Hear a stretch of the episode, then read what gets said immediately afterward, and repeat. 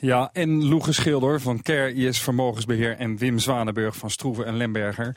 Uh, welkom heren. We gaan het hebben over verschillende aandelen, maar ik ontkom niet aan Unilever. Uh, vorige week werd bekend dat ze zouden worden overgenomen. Althans een fusieovername of een overnamefusie, hoe je het wil noemen, door het Amerikaanse Kraft. En uh, nou, nog geen 48 uur later was het van tafel. Wim, um, dat lijkt me eigenlijk wel een hele slechte voorbereiding... op zo'n mega-overname van meer dan 100 miljard. Ja, we kunnen slechts uh, speculeren wat er toch in het uh, weekend gebeurd is. maar ik denk ja, wat, wat insight-reacties en ook misschien toch wel interventie van regeringsleiders. misschien Theresa May, maar ook wel het resolute optreden van de top van, uh, van Unilever. En uh, ja, die waren toch al twee, drie weken bekend met het, uh, met het bod. En ik denk dat die ook duidelijk een afwerende reactie hebben laten zien. Loege, wat doet dit eigenlijk met alle bedrijven die vergelijkbaar zijn... In, als de situatie bij Unilever om overgenomen te worden? Want er zit wel waarde in Unilever als je het opbreekt. Dus dit, dit brengt wel de geest uit de fles. Nou ja, dat, dat, dat is waar. Hè? De geest is uit de fles. En het geeft in ieder geval aan bijna geen enkel bedrijf is meer te groot om overgenomen te worden. Uh, er is goedkoop geld, uh, hefboomwerking, uh, 3G en met achter zich Warren Buffett. Die hebben laten zien dat ze het kunstje beheersen. kosten besparen, schulden erin hangen en ja, rendement verhogen. dat spel is op de wagen en dat is nog niet klaar. Dat gaat niet over. Um, Wim, gaan we meer van dit soort geluiden horen of zelfs dit soort acties zien? Nou, het is natuurlijk een week op call voor de top van uh, Unilever zelf. Uh, strategisch, uh, Loege noemde al kostenbesparingen. Er zijn zeker nog mogelijkheden of ze wel of niet bij elkaar blijven... of de divisies verder gaan opsplitsen als, als zonder... Als een food en non-food? Ja, bijvoorbeeld. Maar ik heb de afgelopen weken ook nog eens even een margevergelijking gedaan. En dan is het toch zo dat Unilever gewoon lagere marges laat zien dan de concurrentie. Dus daarom waren ze ook prooi. Er valt ook wat te doen. Uh, maar ze kunnen ook nog scherper aan de wind varen financieel. Hè? Er, is al, er is al heel veel gedaan. Het is van een heel groot bureaucratisch concern, wat meer gestroomlijnd. Het, het imperium aan merken is wat ingekrompen. Er zijn meer wereldmerken ontwikkeld. Ik moet zeggen, ook op gebied van duurzaamheid maakt het uh, concern strategisch goede vooruitgang. Daar mag het de nodige waardering voor krijgen. Maar desondanks een overname ja. prooi. Nou ja, precies, vanwege die lage marge. En geld is gratis. Nou ja, je ja. kan de leverage onderzetten. En, en ze hebben natuurlijk met de biermarkt uh, ongeveer hetzelfde gedaan. Uiteindelijk hebben ze een enorm conglomeraat uh, gecreëerd. Uh, dus, dus je Welk bedrijf heb je het dan over? 3G. Ja. dus 3G die is de grote aanlader achter AB InBev. AB InBev, ja. zeg maar en, en, en, nu ook met Kraft Heinz. Ze beheersen dus dat trucje. We constateren dat, u, dat er wel een punt bij Unilever zat. Unilever komt nu ook in beweging, in actie. Hè. Die gaan nu maatregelen nemen. Is dat dan goed of slecht voor de belegger? Dan begin ik even bij Lucas dat is, dat is in ieder geval goed voor de belegger. Hè. Dus, dus zij moeten aandeelhouderswaarde creëren. Dus of ze slagen er zelf in om aandeelhouderswaarde te creëren. Of uh, 3G komt alsnog. Of Kraft Heinz komt alsnog. En, uh, maar goed, ik sluit ook niet uit dat er nog een aantal andere bedrijven aan die uh, ketting worden geregeld. Ja, zijn ze jullie uh, lijstjes aan het maken? Nou, dat niet. Maar wat je ziet in die biermarkt, hè, de, de vooraf waren de verwachtingen Mondelez, Cadbury. er was nog een Amerikaans bedrijf die, waar ze interesse in hadden. Ja, PepsiCo heeft deze discussie ook lange tijd gehad. Hè? Ook opdelen in verschillende divisies. een aandeelhouder die zei van het moet beter. Kortom, die voedseldivisie, als ik jullie zo hoor, in die sector, daar gaat nog wel wat gebeuren. Nou, het is food, maar ook food, personal ja. care enzovoort. Want Colgate Palmolive wordt nu nadrukkelijk genoemd als een nieuwe overname-prooi. en dat zou ook wat kunnen, want daar stagneert de groei uh, nadrukkelijk toch wel de laatste maar jaren. Maar laten we het even vertalen naar de belegger. Loege, Wim, moet je daar nu in gaan zitten om mee te rijden op dit soort ja, geruchten, misschien Kijk, ook wel concrete overnames. Het, de scenario's wijzigen nu wel wat. Hè? Want voor Unilever, als, als je kijkt uh, naar de analistenruimingen... lage groei, koersdoelen die ongeveer bereikt uh, waren... Uh, bij een aantal van onze klanten is het een core holding. Maar voor de standaardportefeuille zou ik het niet hebben aanbevolen. Maar nu ze nadrukkelijk aan de slag gaan om de marges uh, te verhogen... ze zullen dat echt uh, toch op een minder agressieve manier doen hè, dan, uh, dan 3G dat zou doen. Maar er zit er misschien toch wel weer wat meer groeipotentieel in. En ook in de ontwikkeling die ze hebben in emerging markets. Wij kijken er op een iets bredere manier naar. Uh, bedrijven met een stabiele uh, inkomstenstroom, met een stabiele winstgevendheid, dat vinden beleggers prettig in dit klimaat van lage rente. Dus mensen die van spaarrekening, uh, spaarrekening naar beleggen gaan, die hebben een voorkeur voor dat soort bedrijven. Nou, die zijn de afgelopen jaren best wel hard gestegen. nu komt daar gewoon een extra component bij van private equity ja. die dit ook oppakt. Waardoor, die, uh, ja, waardoor de rekker dus blijkbaar nog niet uit is. Aantrekkelijk dus. René, het begrip ja. aandeelhouderswaarde is gevallen. En ik zag afgelopen week nog een studie van, van McKinsey onlangs. En die zegt, ja, de bedrijven die de lange termijn strategie op het, in het oog houden... die creëren uiteindelijk meer waarde en dat komt ook beleggers ten goede. Dus voor, op de korte termijn zou bijvoorbeeld een overname van Unilever goed zijn geweest. Misschien ook vanwege Lange termijn niet. Maar lange termijn, ik ben er wat dat betreft toch wel blij dat het niet doorgaat. Oké, maar goed, jullie zeiden al het spels op de wagen in deze sector.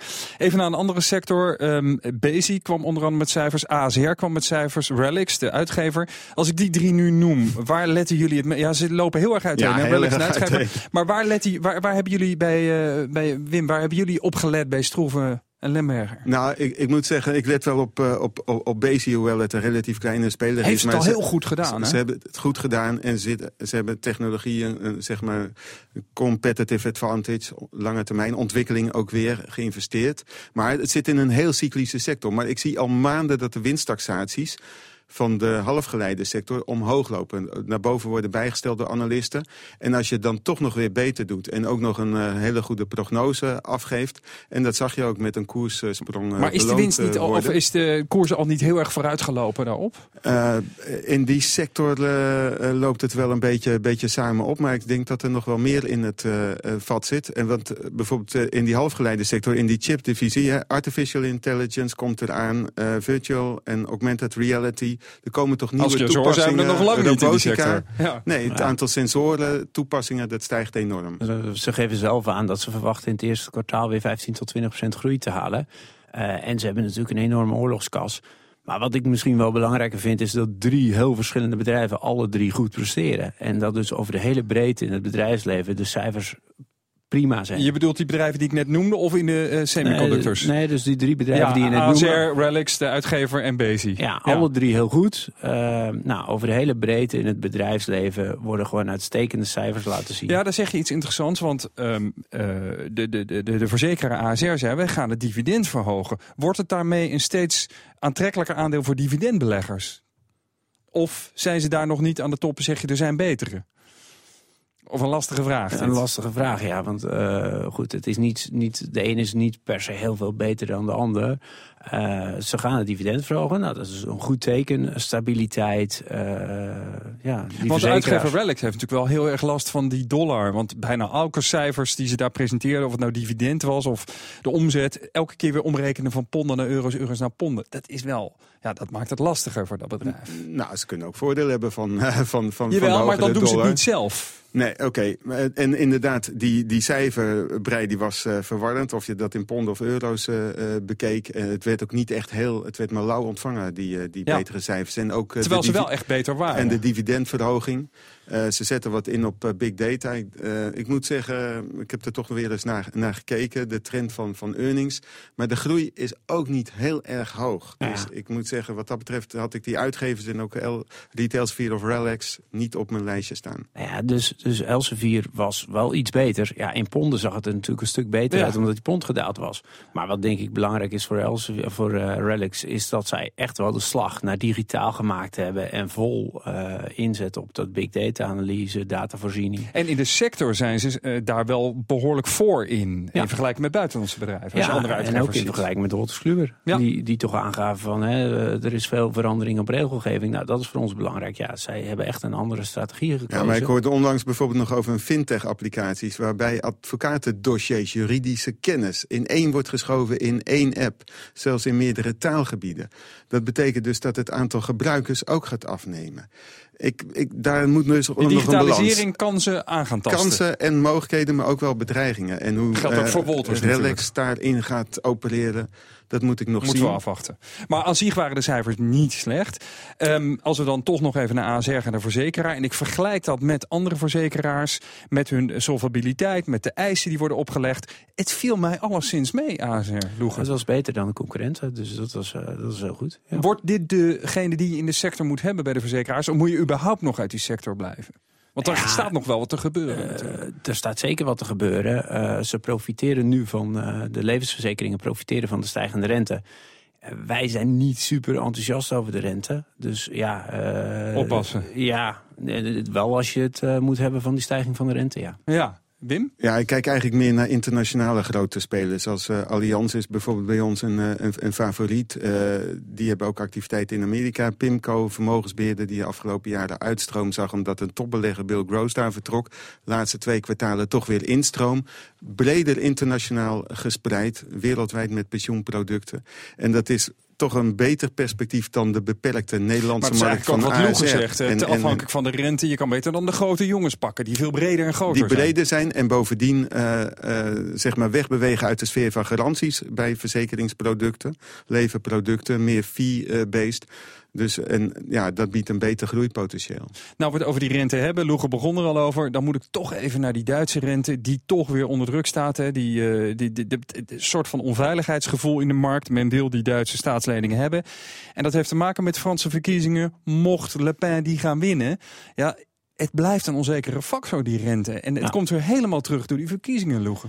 Ja, kijk... Uh wat je ziet, hè, we hebben de financiële crisis gehad. De centrale bank heeft die economie ondersteund door heel fors te stimuleren.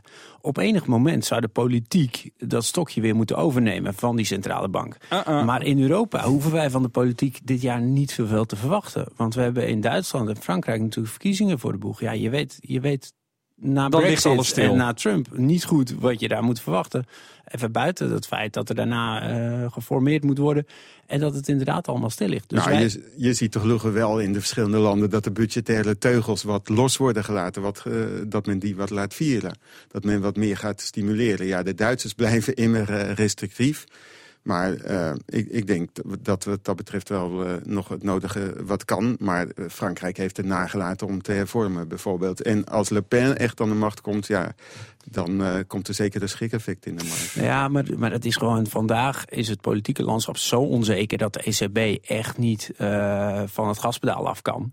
En daardoor blijft de rente voorlopig laag. Oké, okay, dan ja. moeten beleggers zich aan vast gaan houden nog. Aan die ECB. Ja, nou ja, die blijft, die blijft ja. uh, aan zet, ja. Dat is een zekerheid. Eigenlijk de enige dan. In, in dat totale ja, het wordt landschap. wel een beetje betwist, want uh, we zien uh, in heel Europa de inflatie ook wat, uh, wat oplopen. En dat komt natuurlijk ook door het effect van de gestegen olieprijs van het afgelopen jaar, maar ook de kerninflatie. Nou ja, goed, de centrale bank moet als eerste waken voor de prijsstabiliteit. Ja, maar die kerninflatie ligt nog onder een procent en het doel is 2 procent. Dus ja, daar zijn we voorlopig nog lang niet. Ah, eindelijk discussie te studeren. nee, maar Wim geeft terecht aan, die, die olieprijs is in vergelijking met vorig jaar februari flink gestegen. Maar ja, nog even, dan loopt dat uit de prijzen vandaan. Ja, we gaan er zo dadelijk verder over praten, want het cijferseizoen komt zo'n beetje ten einde op de AEX. En de grote vraag is natuurlijk waar beleggers zich de komende week op moeten gaan richten.